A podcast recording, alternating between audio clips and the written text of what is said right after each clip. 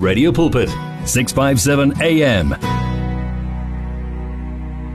657 AM Streams of Blessings. Pastor Chris Mbegwa uthi hallelujah hallelujah. Udumo lonke asilethe ngempela kuJehova ngoba yena yedwa ufanelwe ukudunyiswa.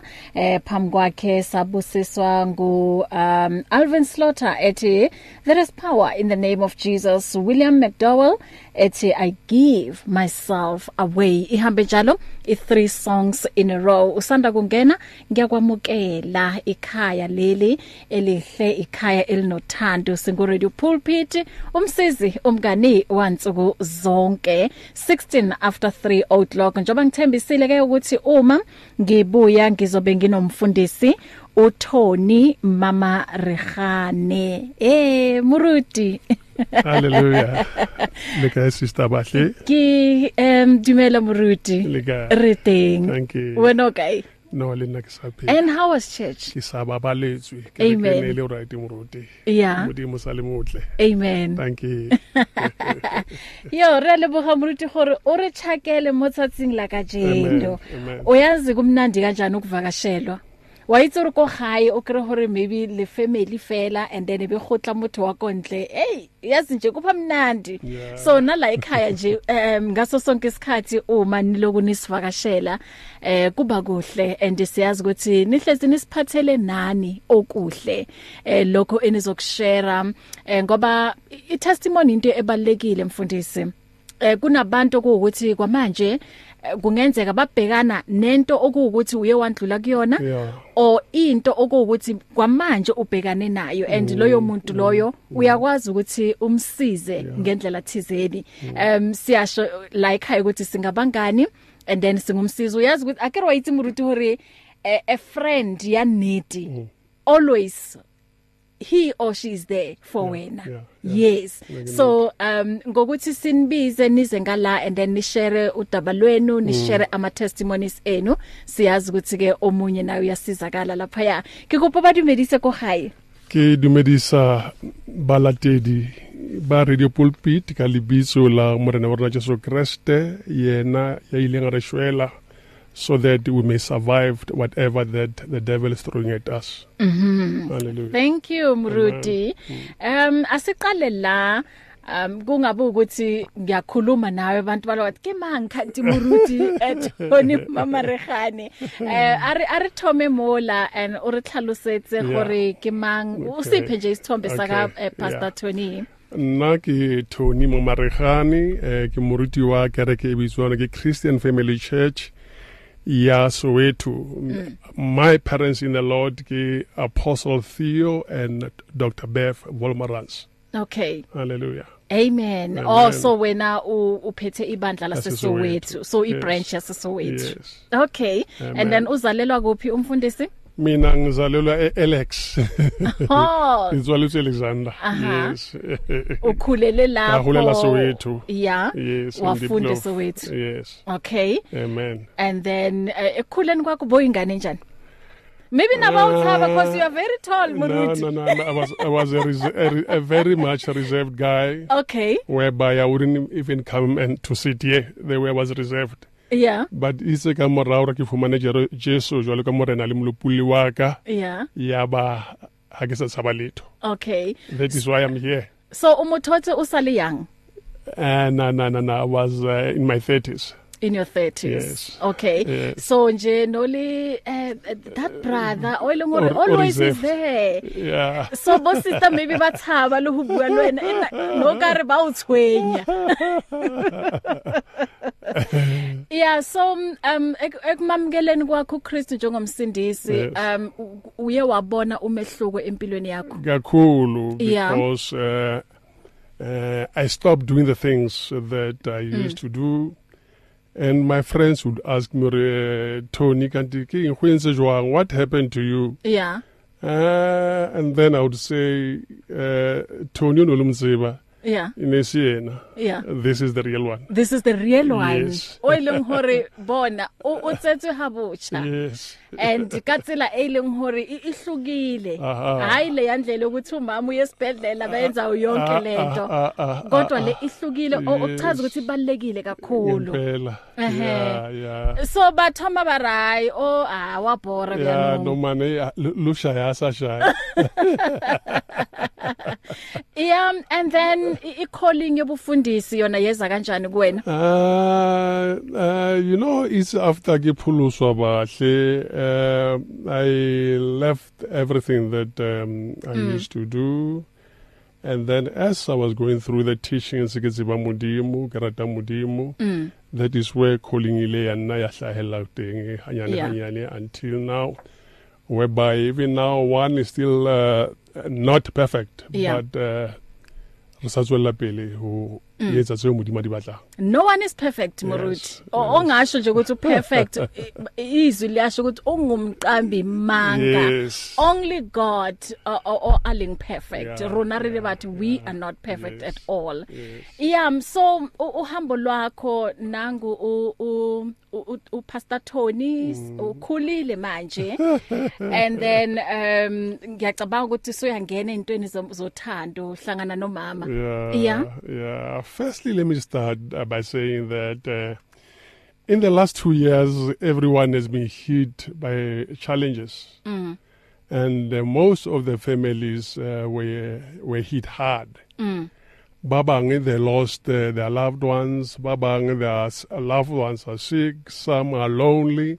Some have lost their jobs. Some are divorced. Some have lost their houses, and some have lost their businesses. yeah Hallelujah. Mm-hmm. Now, I want to encourage them with the word in uh, 2 Corinthians chapter 3, 2 Corinthians chapter 1, verse 3 to 5, erring, Blessed be the Lord, the God and the Father of our Lord Jesus Christ, the Father of mercies and the God of all comfort, who comforts us in all our tribulations, that we may be able to comfort those who are in any trouble with the comfort with which we ourselves are comforted by God. wow For as the for as the sufferings of Christ abound in us, so our consol- consolation also abounds in Christ. amen You see, Bahle, I'm here because uh, ke ile ka fumana lerato whereby I even received the comfort of God.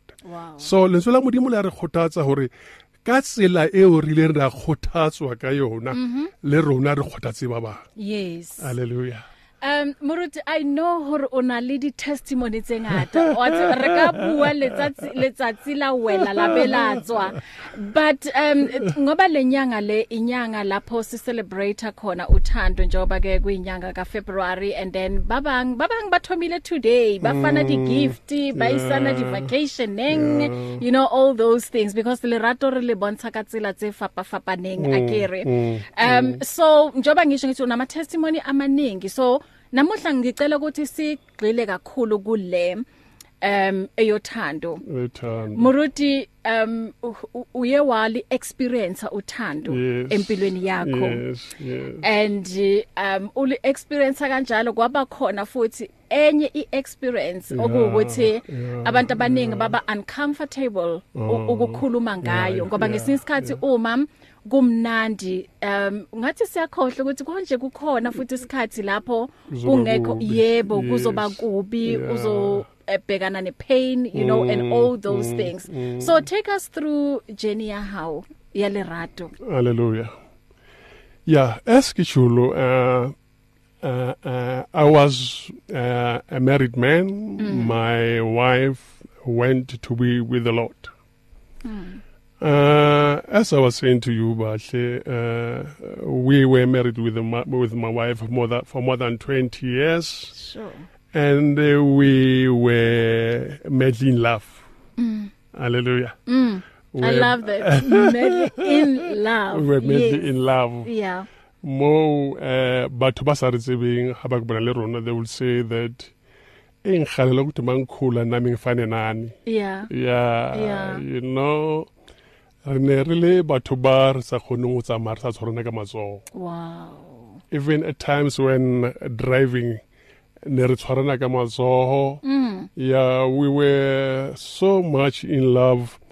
Mo e leng hore when my wife passed on i didn't think that i'll be i'll be able to live. Hallelujah. But modimo jwale ka le modimo here i am and I, i'm able i'm able to talk about it. Hallelujah yeah yeah amongst the things tse e le goreng eh, re ne re le ka teng eh ke ne ke kgona ho bua something e le goreng mme o ne a batla ho e bua or yena a bue ntho e le goreng ne ke batla ho bua ka yona nako eo. Wow. Gore le se Hallelujah. le tsebe gore o nagana jwang you know? Wi- with, without saying gore o tlo buang. Yeah. Ne re ha bua ke re how or yena a bua nna ke re how wow i was about to talk about this yeah Yeah, you, you know, I've learned that when you love as a man, when you love someone or marata mme, Yeah. o o ba motle wa blossom. yeah Yeah, where there is love, le mme wa teng wa bonahala. yes Hallelujah. true mm. Yes, no ke nnete. Uh, I would always thank the Lord uh, for for the journey that Yeah. we walked together. uh-huh And at the very same time, eh, it was hard eh, to lose her. Mm. But the Lord has been with me. yeah Yes. may her soul rest in peace Thank you very much. but um, ntho e ke e thabelang moruti ke a bona le ha o bua ka yena o o na le smile kusho ukuthi lo lo luthando salizwa noma kuukuthi ngenyama akasekho Yeah. kodwa uthando lwakho usalizwa you, ngaphakathi you see, kuwena Buhle, what happened is after uh, she went to, uh, firstly, she, she, she, she died in my hands. I remember when she was sick, uh, doctor, ere, hey, manasa, le right, blah, blah. You are no razor, Joan, remo admit or razor, Joan, because I also like this. and- No, I said, no, kitla, itlhokomela yena. Uh, by the grace of God, I've been able to do that. wow Hallelujah. Wow. Now, after the suffering that I went through after her passing, mm. uh, huile wa fihla nako mo lo reng ke re, I don't want other men to to be heard as I am. Seo se ile sa nketsa hore ke eme ka maoto and look for other men who has lost their wives so that I may be able to encourage them. Because you know when one has gone through whatever, how re uh, when I'm for to or when I do it whatever, I know what you are going through. Hallelujah. Yes. O kgona ho mamela hantle because o o bua ntho a e tsebang. yes You see, Yeah. ke nnete modimo teng now when this thing hits you re ntse re tseba gore modimo o le teng nako e nngwe hangata batho ba fella ke tshepo amen yeah Hallelujah. yeah yeah ke nnete. Yes. And then wena muruti eh, kuye kwafikani kuwena ngenkathi umama ezondlula emhlabeni? I know hore batho ba bang ba tlo batla hore ba blame someone Yeah, else yeah, yeah, to ease yeah, the pain. yeah, yeah, you know ba bang o kre motho um a kwatela modimo. Yes. are god umfile motho ona wa rena le na re tlo Ah, phedisana ah. until until. now how monka o re ke sale le mang? Yeah, Yeah. Uh, I want to thank God that I've never ever blamed him blamed him. Yeah uh, but say I've been through a lot of things I've, I've, as I've Yeah. told you. Mm. So, uh, ke ile ka ithuta hore ha modimo a batla ntho e etsahale Yeah. no matter how we can be mm. it will it will happen yeah so I, I never ever blame God uh, saka ile sa hore ke tshwane hore ke amohele le ha ho le bohloko but when has no option or one had no option mm. but just to up to, to accept seo modimo a ratile hore se sale yeah Yes. ke ke mongwahe me ka i know no, mme we were married for more than more than 20 years mm -hmm. uh, we were more than uh, uh, happily married in more than 20, 20 years. years. Yes. and then you- you- andlulile emhlabeni uh, she passed on in April 2020. Oh kusesekusha Yes, kusesekusha yes, 2020 so yeah. it's um, less than uh, 2 years Yeah, less than two years, yes. Mm -hmm. Yeah. wow Uh, as I'm saying, really, uh, I call myself a miracle mm. because the way we were close, according to me, I thought I was going to die as well. Mm. And I had accepted that. yeah But Mudimu, ile Mudimu, Mudimu ya tsebang tsohle, Mudimu ya bonang tsohle, Mudimu ya itseng a se re tlohele o tla ba le rona ka mehla. He has been with me this far. Hey mfisi ngiyazi ukuthi omunye la ekhona mhlambe naye kusesekusha. Kuyena ulahlekelwe unkosikazi noma ulahlekelwe umyeni. Yes. And akukho lula. Yeah. Mathi yeah, uvala yeah. amehlo uyambona mathi Ah, uyalala uyambona. Phela lo muntu bowushare naye impilo Yeah, yakho yonke. Yeah, yeah. so uh, uh, wenze njani Yeah. ukuthi ekugcineni uwamukele ukuthi akasekho Yeah, uh, Buhle, there are uh, there were moments whereby I would think about what she went through yeah when she was sick. Mm-hmm. Yeah, uh, the way ke ne ke mmona a le ka teng. Now, at times, I would ask myself a question: hore na e ka ba uh, ke m- ke batla ho mmona a le the way a le a ne a le ka teng or ke batla hore ana a tswele pele a phele a le ka- a a le mo bohlokong bona le ka bo mo- Yeah. na le bohl- mo bohlokong bona le ka bona. So ntho tse jwalo ke ntho tse le reng eh di ile di a nkgo- di a nkgothatsa eh buhle. Eh ho na le ntho e butswana ke grief whereby uh, there will be places where uh, I, I was last with her.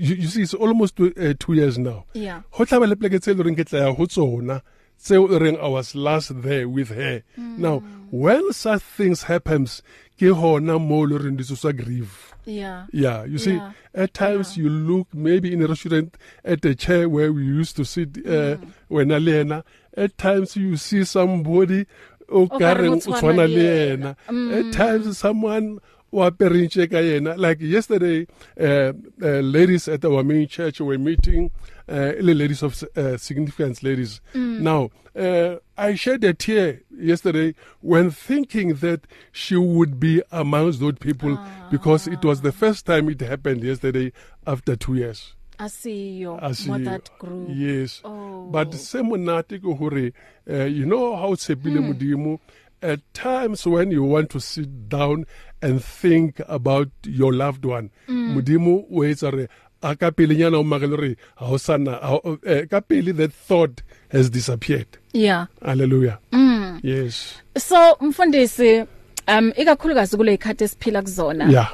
um many young people bacabanga ukuthi uthando lwangempela lisekho mm, mm, abantu abasha esikhathini esiningi Yes. uma uh, bakhuluma ngothando bathi hayi Yeah, ngangitshela le rato yeah, ke scam yes, marriage ke scam yes, you know yes, yes. and abanye bathi hayi le rato la nnete ha le sa leyo Yeah, ha le yeah, exist yeah, yeah. so wena ho ya ka experience ya how Yes. um true love It's does still it there. still exist yes lerato la nnete le sa le teng Mm. it's a pity uh, ka nako ena jwale batho ba ipatlela se ba ipatlelang sona. Yeah. Na ho ya ka gore motho o na le eng or o etsa eng but lerato la nnete le sa le teng.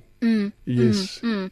O- o le bona jwang? Like he re bua le motho o leng hore o hopeless when it comes to love. Yeah. o le bona jwang le rato la yeah nnete? you see when you say o lo bona jwang uh, i can't exactly answer that because ho ya ka what you have experienced. Yeah. you see Yeah. i can say to you uh, buhle bahle lerato la nnete le teng wena when you say no aleyo Yeah. you are saying it because of what you have experienced Uh-huh. you see now as the children of god we are supposed hore re fe modimo maphelo a rona focus upon him the bible says seek first the kingdom of god Amen. and righteousness Yeah. and the rest will be added unto you. You see you can seek on the kingdom of god whilst in the kingdom. Yeah. Whilst being in the kingdom. Now, uh, when the Bible says seek first the kingdom, it doesn't only talk about someone who's new, new Yeah. in the Lord. Le rona ba ntseng ba re pholoso ne ha re seve modimo wena ya tsebang hore o, o lonely maybe you, you want someone. Uh, focus upon Jesus. O etse mosebetsi wa modimo. And when you are looking upon Jesus modimo o tla o supplya ka di needs tsa tsa hao. Yes. So wena did you pray ko modimong hore ke kopa o ntlisetse motho o- o o fana nalo o? Ho hlahelletse fela mme wa gahleha wa bua le yena? And then maybe la ya modimong together. What's hetse jwang yeah, yeah. wa bona eh buhle nna i would say this. Yeah. maybe somebody i gotta know it's not like this. Eh hona le ntho e bitswang ke o discern. Yeah. the spirit of discernment. Yeah. yeah. Uh let me put it this way. At times people will say that uh, uh what matters uh mo mosading a se botle ke pelo ya hae. Now now i would say you are first attracted ke botle then o be more attracted Yes. ke pelo or pelo you repel uh-huh. You see? Yeah. Yeah. Uh, i can't exactly say to you hore uh, uh, e ka ba ke eng ntho e entseng. But once you know you know and uh, ke something e it is unexplainable. Yeah. Yes. Oh that is why batho ba bang ba re um o kremotare itse ha mpona ntate o I a re, knew. wena o tlo ba mosadi wa ka." that's what happened to me yeah that's what happened to me with my wife so it, ain't this thing you love at first sight Yes, it is there. it is there. But bothata kore as I've said, eh re batla lerato and at the very same time hona le ntho tse ding tse re di tshepileng. You see? oh Yeah, ke tseba hore if this doesn't happen, mm. uh, there is this. Mm-hmm. You see? Mm-hmm. And if I focus upon the one that I say I love, yeah surely everything will go well. Mm-hmm. Yes. so ho ya ka wena moruti um do you think or lerato la hona yanong le lerato la nako tsela tsa lona le- Yeah. lo hlokile Ah, lerato ke lerato. Mhm. Yeah, lerato ke lerato. A so what, what about those like um even guys ba ba matsatsi a Yeah. like how le a woman o kre hore maybe uh, ha ona selo like like re maybe ha ona your own house ha ona Yes. your own car Ha o batle- ha o batliwe Yeah. ladies le bona a guy Yeah. sa ha sna tsona dilo Ah. tseo ha batliwe Gore ke tlo tsamaya le di- ka di-taxi le yena. Yes, Yeah, yeah, yeah, yeah. yeah. Yeah, that, that's the challenge. yeah That's the challenge because uh, lerato lona le teng, Mm-hmm. but people ba batla ntho tse itseng pele before lerato. You see, Yeah. re lebala hore uh, what will sustain marriage ke lerato, Yeah. not what you have. Mm-hmm. You see, yeah. Yeah, because yo feleletsa ina hore la pretendelana. Exactly. because o ratile dilo tse Aha. not the person. Yes. so that is why go felletsa go na le because I, i think motho ha dula le motho sa mo rateng o felletsa o ba le anger. And then anger e o intshetsa ko yena this person I- I- because I- you I- don't love her yes, or him. I yeah. normally say uh, when you are i- or you, you think you are in love with someone Mm. o le mohlomong tsamaya ka koloi yeah. Le wena o na le hao sa tlileng a kwe le tsamaye ka maoto yeah. O bone gore ga o tshabe o tsamaya le nna ka maoto na? Yeah. Because e ka be le gore ke motho o na le koloi or dikoloi Mm. but ke motho o le reng ka maoto o ka se tsamaye le yena. Mm-hmm. yes. Sure. Yeah no. Eh bothata lerato lona le teng but bothata gore eh le na le di-condition. Yeah. Yeah. Eh batho ba batla batho ba ready. Mm. Ha ba batle batho ba lo re modimo tla ba phamisa kaofela. Yes. Yes. a ba batle gore ba starte Ah, something ah, together. Yes. And i think i um it was um 2 weeks ago yes. ke bua le someone ke re you know what? Nna ho ya ka my experience. Um bontata ke itse bomme but hona le bontate ba bang ba ileng hore if o mo kreya a le well off yeah. Ha o tlo kana in a relationship le yena o ka re o sheba ka le ka lihlo la hore ona o tlo nka fela Oh. dintho tse ke na leng tsona Yeah. and then that's where o o bona ka re abuse e ba Yeah, teng yeah. eh le le dilo tsa hore ha o tlo mpotsa wena o Yeah. mang o nkreile e le hore eh, ke ke motho o ke leng yena Yeah. so wena ha una a say in a relationship or in a marriage i don't know who ya ka wena you you, you see How true is that? yeah Yeah. buhle ntho e kgolo ke pholoso yes You see, when we accept Jesus Christ as our Lord and Savior, Mm-hmm. we become a new creation. yes Now, how lisipupua sesicha, uh, whatever that the Lord has given you or whatever that you have accumulated in life becomes nothing. yeah Ke nnete a re kgone ho phela ka ntho tse itseng. But what matters first ke pholoso. Ke pholoso. Yes. yes. You know how pholositswe o tseba ka nnete nnete hore o tshwaretswe. Yes. and o tseba hore you did not deserve ho tshwarelwa. Yeah. Ntho tse ngata di di ba easily. Yes. Yeah. Okay, isikhathi ke sithi 20 before 4 o'clock ke nale Muruti Tony Mama Rihani eshare ke i testimony yakhe. Um wal experience uthando lwangempela. Kodwa ke njoba esho ukuthi ekugcineni uye wamukela ukuthi akasekho lo muntu bephilisana naye.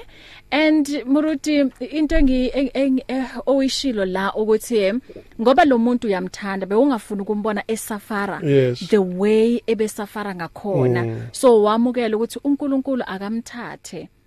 No ngamukela ukuthi uNkulunkulu umthathile. Umthathile. Yes, yes. yeah.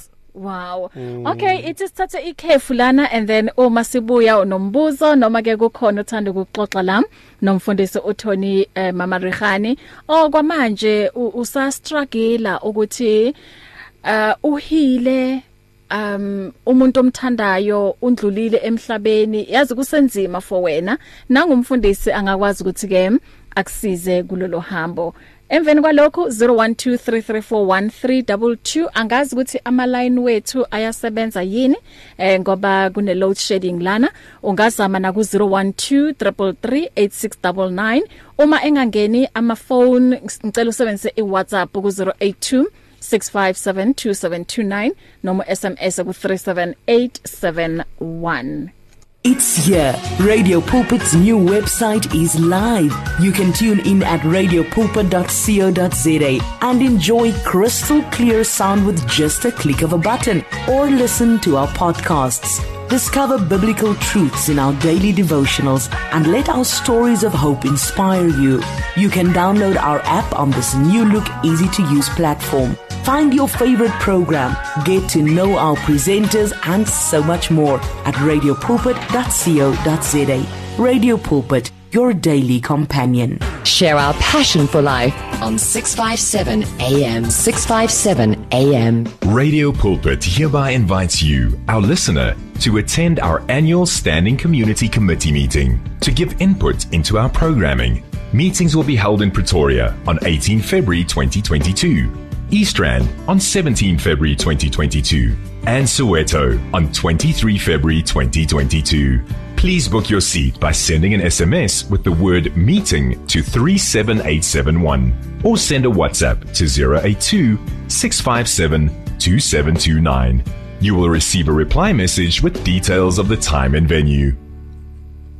0123341322. Nginomfundisi uThoni Mama Rihani ebeshare ke ngohambo lwakhe. And nanokuthi ke mm uye wali experience ngayiphi indlela nomama esaphila. And njoba ngisho ngithi uma ekhuluma that smile sisekhona ukubonisa ukuthi ngempela eh lo muntu uyena loyo uNkulunkulu ebemdalele yena ukuthi ke bayiphilisane lempilo so mfundisi if i may ask mm. yini owayifunda? Uh, about yourself yes. through umama. Uh what i've learned about myself okay ngicela uyibambe kancane sithathe i la i call. Sawubona dumelo semoyeni. Nkosazana, kalimambo. Sibingelela umfundisi yeah ulalela nabo bonke abalaleli be-Radio Pulpit umsakazo wethi indzaba lethu kufokotisa. amen Manje ke umfundisi ngithanda into yokuthi ukuthi undlulisile. mm Eh kodwa le yaphena wandlula kuyo nami ngiyangihlaba kancamanje uma Mm. mm Eh manje ke sibongiswa ukuthi umfundisi undlulisile. Yeah. Manje ke umukele isimo lesako akuso akuso. mm. Manje uma sibuya le ndabeni yothando njengoba sendawo sesikhathini sothando manje eh uthando lolu ludalwa yizi leli kaNkuluNkulu leli yena umfundisi asishumayela lo? Mm. Eh umfundisi umeshumayela izwi likaNkuluNkulu ebandleni noma khona la ku radio leli izwi leli alifike malifika lidale cha uthando. Mm. Manje ke kuba khona ukuthi uthando lungadaleki akwenze ukuthi nabantu kuphela nasemasimini yolimo utshala kungavele zayitshalo leziya mm. Manje ke ukhona labo abasebenza ngawo lo msebenzi lokulungisa umhlaba la uNkulunkulu usebenza ngokulungisa thina abantu. Manje ke siyabonga mfundisi ukuthi undlulisile eh nako akusisenze ukuwe wedwa kuphela kubo bonke abantu ke kwayenzeka mfundisi. Amen. Hayi nefamily yakho okududuzeka mfundisi. Amen. impilo mayiye phambili. Amen. uJesu inkosi khanimambo Khalimambo siyabonga siyabonga mfundisi wami. Yeah 0123341322 noma ke unombuzo othanda ukubuza umfundisi lana ukhona um ikakhulukazi uma mhlawumbe usabhekane nabo lobu bunzima. Eh uyazi nje uh, usuku nje lubanzima ukuthi uqhubeke ngalo. Engekho lo muntu ukuthi bophilisana naye for years mm. and years. Mm. even months mfundisi kunabanye ukuthi Yeah. ungenile emshadweni after few months akasekho. Yeah. yeah. Um sawubona Dumela. Uh, uhambile uzobuya futhi. Um okay. 0123341322 eh kunomunye la uthi hi bahle enfundisi mama Rehani we are listening let us trust God at all times to God be the glory Amen. amen um sawubona Dumelo semoyeni Hayi, ngisacela ukukhuluma noBahle. ubahle okhulumayo Oh, sibahle um I'm calling to uh, engage in nomfundisi. amen baba Eh I I can attest eh uxola nokhulumayo ePietermaritzburg. Okay baba Eh no u- umfundisi uTony um um ngiya- ngiyayazi ukuthanda ukukhuluma ngalo ba. mm. Mm. um I I served under him from 2007 and until umama wahamba I don't have a picture kamfundisi on my phone la I won khona um that was the bond abasikhulise ngayo eh si si fellowship phansi kwabo. Mm. and such that besi concerned make hamba umama ukuthi umfundisi uzoqhubha kanjani yedwa. But yeah we thank God for for the grace upon his life. Amen. Mm. amen. Amen. Mm. thanks No. Nalani. we thank you. Thank you. Ene siyabonga ukuthi nani benikhona ukumeseka. Indeed no. Bayi basikhulisile kakhulu Amen, kakhulu yeah amen. we are standing in Christ ngenxa nje emfundiso Yeah. kamfundisi Tony yes. Amen. Siyabonga baba. Asibonga thank you my brother. Sawubona Dumelo semoyeni sawubona? Ah okay uhambile. Yeah 0123341322 so y- yonke indawo nje beniso benitogether Yes. le le barking le nala le le le monwana hona e nong ke ba le teng a dutse moankemezi yo. Yeah wa- one other thing eh bahle e kileng ke a realize ka bontate mm. Bontate ababui yeah You see, I've met a lot of men who has lost their loved ones. Mm. Bontate don't want to talk. yeah Hallelujah. Mm. Which is something alluring. Uh, you, you see, now what I, since my wife, or let me put it this way, uh, I, I've never hidden the love that I had for Yeah. my wife. Mm-hmm. And uh, at the very same time, when she passed on, I cried. E- e- everyone that knew me or that knows me knows that I was hurting. nere ha o bua ka yena o Yes, lla. like in Sakeleti. oh At times when I was driving Benkala. Yeah. Uh, I think it is one thing that has helped me. yeah Namanje, if I want to talk about it, I talk. yeah I'm not scared of anyone. Yeah. You, you see, bothata ba rona ko re nako e nngwe eh re tshaba hore batho ba tlo reng. You see, at times when someone is grieving, other people turn to say how no man you must outgrow this to cool or don't you trust the Lord. No, you do trust the Lord, but you are hurt. You have been with this person for a long time. It is impossible just to say ah no no ngiyakhohlwa. Yeah. No, no, it is not easy. Because hona le babang even after 10 years Yes. even after 20 Aha. years umuntu lo yangasekho but Yes, still yes, usakhuluma yes, ngaye yes. sure I, I i i get you mfundisi. Yeah 0123341322 um sinemzuzu engaki la plus minus 8 minutes. So uma uthanda ukuxoxa nomfundisi ithi ngikunikeze yona lemizuzu esele. Ungafoni usekusele a minute mzalwane or few seconds ngoba ngeke ube nalo ithuba eli enough ukuthi ukhulume naye. 0123341322 0123338699 unga WhatsApp noma uthumele ivoice note ku 082 eh 657 2729 okay mfundisi lo yambuzo ukuthi yini owayifunda ngawe Yeah. through umama? Yes. Uh bahle what I've learned was uh, patience. yeah Nokuthi kahle kahle uthando yini. yeah Yeah, you see.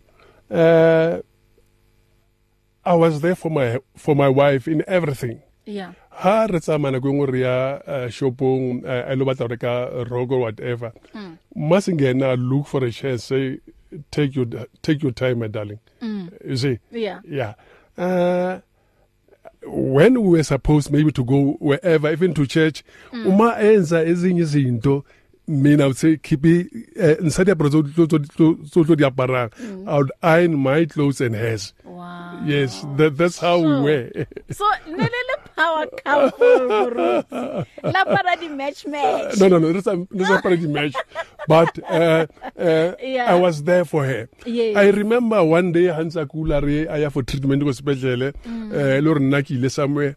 Ha ke boya she says to me, uh, di nurse tse di mpusa re go go nka kae. You see? Yeah. No, nna ka makala re why o nka kae? Ah. Ke re why ba ro nka kae? But no, banna ba soka wena ba sa leyo. kaniti because abanye nje maqala egula umlingani wakhe bajafathi babanga Ba tsho jwalo. Yes. Yeah, no ba tsho jwalo. so Muruti what are some misconceptions that people have on marriage or ngathi nje ama relationships Yeah, you you see, uh, uh, what normally people are doing is this: uh, marriage is give and take. yeah Now, uh, Not Baba, take, take, take, take. No, no, no, no, Yeah. no, no. There are things that one has to compromise. yes You see, Yeah. there are things that you say, no, hey, Sahale, uh, you won't die. Mm-hmm. You see, you see uh, I normally say it, it's so nice to be in love. yeah. You know, trusting each other. yes. You see now bothata ko re nako nngwe batho ba bang ba kena lenyalong empa ba sa tshepane. Oh.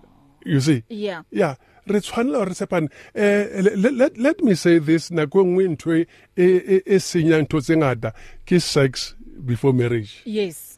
You see Yeah. ke yona ntho e sa re batho ba seke ba tshepana. Because when one is late let's say one is late from work ne eh ntate ha kwata ro why o le late? O kwata because in his mind he's thinking about the things that he used to do before getting married. Now if you got into marriage without having done such things Yeah. when such an attack in the mind comes there is no information because you have never done that Mm-hmm. You see, now, modimo ha re kgothatsa ka ba re bolelela gore we must not do that. Ha eletse yena o eletsa rona yeah so that re tlo kgona go tshepana.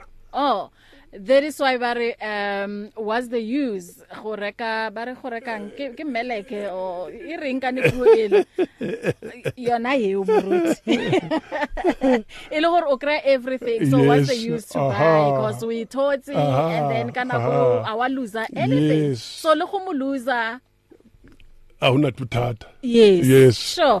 Um 1553 uh 0123341322 unombuzo for umfundisi. Eh ya ungakhuluma naye o ungashayela ku 0123338699 unga WhatsApp na ku 082 eh 6572729 um i don't know ukuthi mhlambe um i- i- urelevant lo mbuzo mfundisi engizokubuza wona okay. um ukuthi w- w- what are the challenges ukuba noma to start a relationship with a widow or a widower Okay ngicela kuyibamba futhi lapho kancane Okay. uh sithatha umunye la sawubona Dumela Age le kae? re teng le kae ntate Re teng. eh Uh you are speaking to Isaac. okay Yes, um I just want to congratulate our dad Pastor Tony. wow He has been a living testimony. mm Yeah, so he's doing quite great and we we really appreciate the way he is is keeping up Mm. and encouraging those that have suffered the same fate with him. Mm. Yeah, this is a good ministry that is doing. Then I just want to tell him, keep on keeping on. Thank you very Wow. much. Wow. Thank Wow. Yeah. Thank you very much. Lord. Thank, Thank you. Yes. Thank Thank you you. very much. Eh, Thank eh, you mina very ngibonga much. ukuthi nina ningabo baba niyafunda kuye njengobaba. Yes, yes, it's, it's quite teaching us a lot. Yeah. Um, when it comes to divorce, he wants he wants to see almost everyone who is on the verge of divorce. Will tell you yeah. if you can talk to a person who is about to divorce, they will never divorce again. Mm. Because he Wow. will tell the person that you would miss the little thing, even those that irritate you when she's gone or he is gone, then you are going to miss that. Mm. Mm. Mm. mm. Yeah, so he revives even the families, not only those that uh, have have lost their partners, Mm. but those that are divorcing is just an inspiration. Wow. Sure. Yeah. Ke a leboga. Thank Ke a you very leboga much. ntate. Uh, Sure. Okay, thank you very much. Mm. Yo, um omunye la mfundisi uthi hi it's been 12 years my hubby passed on I'm still grieving because of the love he used Yeah. to give me. Sure, or anonymous. Yeah, yeah, yeah. You, you, you see, one other thing that I've learned is this, Ebahle. When death has hit you, Mm. There is no one who can carry that hurt for you. Yeah. Even if ngaza kuwe ngikhuthaza Mm. or ungikhuthaza, ngiyakuzwa. Mm. Mine is just to trust in the Lord. Oh. You see? Yeah. Yeah, there is a process that when yourself you have to go through. Mm. No one, whether your brother, your sister, your mother, won't carry that for you. Wena ka wena, you have to walk the process. Mhm. Yeah, but with God, nothing is impossible. Nothing is impossible ngempela mfundisi. Asithathe omunye futhi la sawubona Dumela. Nkosazana Kalimambo. eh mina ngithi kubo bonke abobaba nabomama kanye nabefundisi bethu kakhulukhulu abobaba nabo- U- usathana unabantu bakhe noma sisikhonza sithi abazali kunalabo abasebenzisayo Mm. baba ngabakhapeli Mm.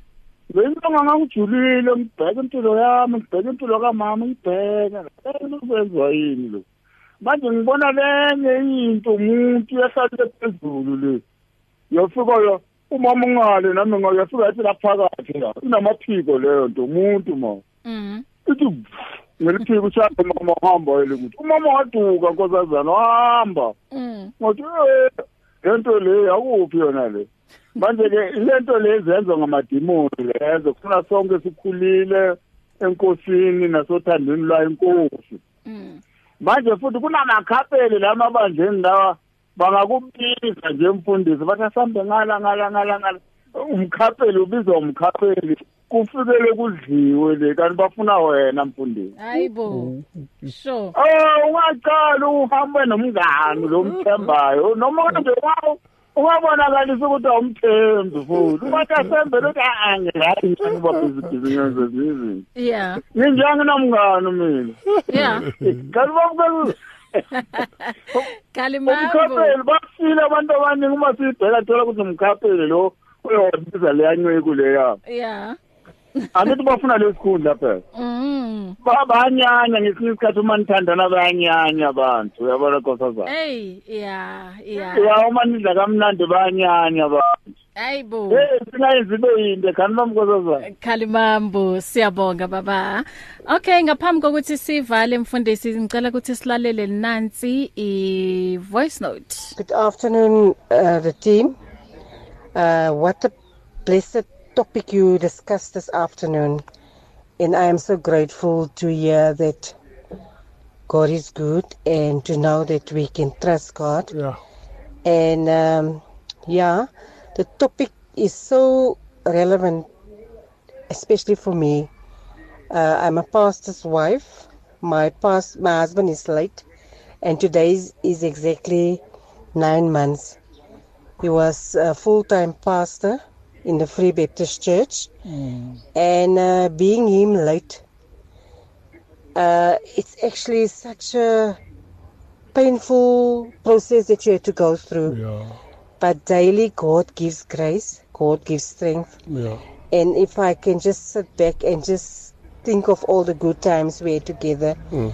in the ministry, for being married for 40 years Yeah. was a privilege. Yes. But you know, losing your partner, losing your loved one, it's a painful process. Mm. But the word of God says, I will strengthen you. Yeah. And in your most difficult times, that's what's happened to me. Yes. And uh, I never felt alone because I know there's people that's praying for you on a daily basis. Yeah. And God actually came through in such a manner where I could also, that I was also able to comfort and to counsel with people who lost their loved one during the course of this COVID. It was a tough time, but God's grace was more than enough. Amen. And I can agree with the pastor that grieving is beautiful. Grieving is so beautiful. And just to live and just think back of all the good memories we had together when it comes to God's work. It's a privilege, it was a privilege to have a wonderful, loving, caring, uh, confident, my doctor, my pastor, Reverend James Williams. May his precious soul rest in paradise. Paradise. Till we see one another in the by and by. Yes, it is beautiful to grieve. And there is hope after death. And I'm grateful and honored to have been married to such a remarkable, God fearing man. Amen. And uh, you are blessed. I love your topic. I'm listening.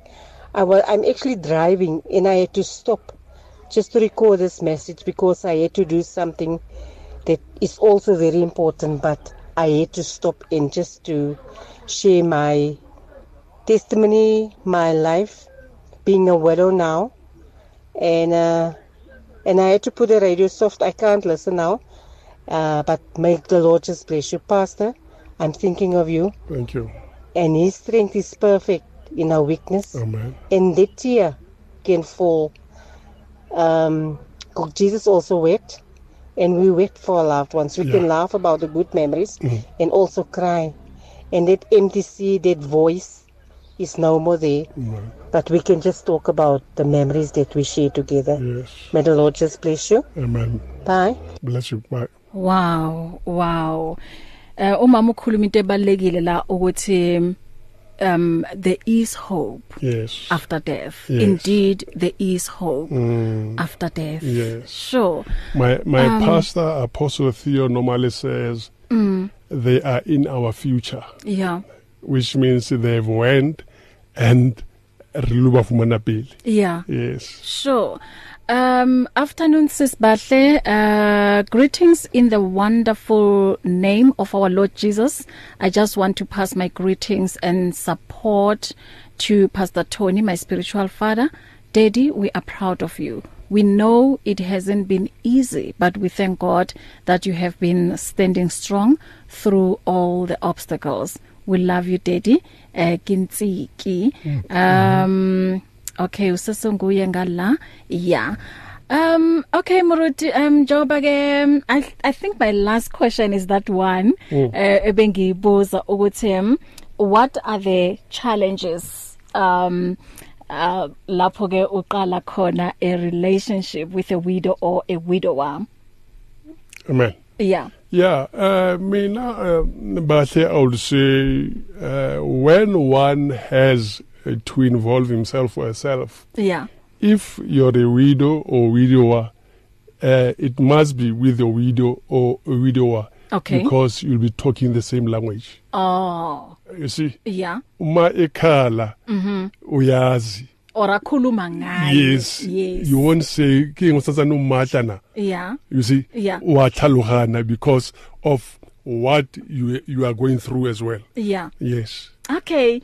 So Muruti um isikhathi sona nje esingasavumi uh kodwa umyalezo wakho nje wokugcina kuwo wonke umuntu kwamanje ungathini kuyena Uh, I can say to all of uh, us that let us cast Yeah our cares upon the Lord, yeah for He cares for us. yeah He will never leave us nor forsake no us. forsake In us Jesus' indeed name, indeed Mruti Yes. ngiyacabanga ukuthi uphendulile umbuzo wami wanamuhla ngoba eh, ku timeline ngiyangabuza ukuthi um, is there a couple you are looking up to or um inspire you ukuthi true love still exists Mm.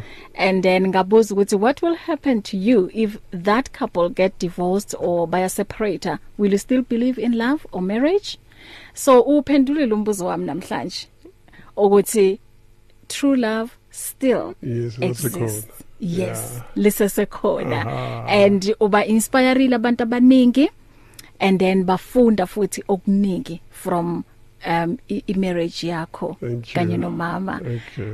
um mfundisi thank you so much mhlambe You're kunabanye welcome. abathanda ukuthi bakhulume nawe ungasekho la emoyeni uyatholakala Yes, my Yeah. number is 072 aha 185 8722 072 185 8722 mhm bangakwatsapela lapho Yes. or mhlawumbe kunomunye usa struggle even namanje ukuthi ke mm, abhekane nesimo sokundlulela um- umlingani Mm, uyakwazi ukuthi mm. ukhulume nabo Yes. ah thank you so much Amen. mfundisi Yeah. and then ku social media ukhona Yes, uh, Yeah. my my email address is pastor uh, uh, is Tony Mamaragani. Mhm. No, sorry, my, my my Facebook page is Tony Mamaragani.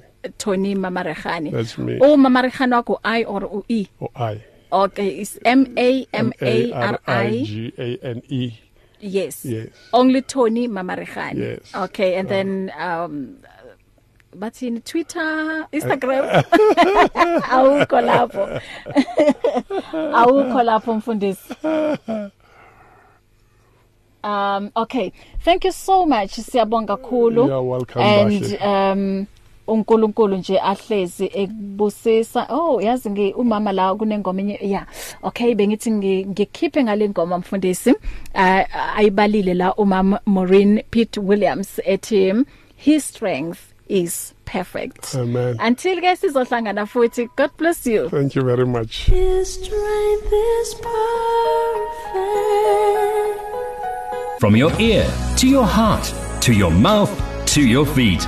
Join this life on 657 AM. If you need prayer, please send your request to prayer at radiopulpit.co.za or WhatsApp 067 429 7564 or go to Radio Pulpit website on www.radiopulpit.co.za. In today's rush world, there is limited time for yourself. Your cell phone, however, is with you all the time. So why not use it? Visit our Radio Pulpit website with your cell phone and restore your soul.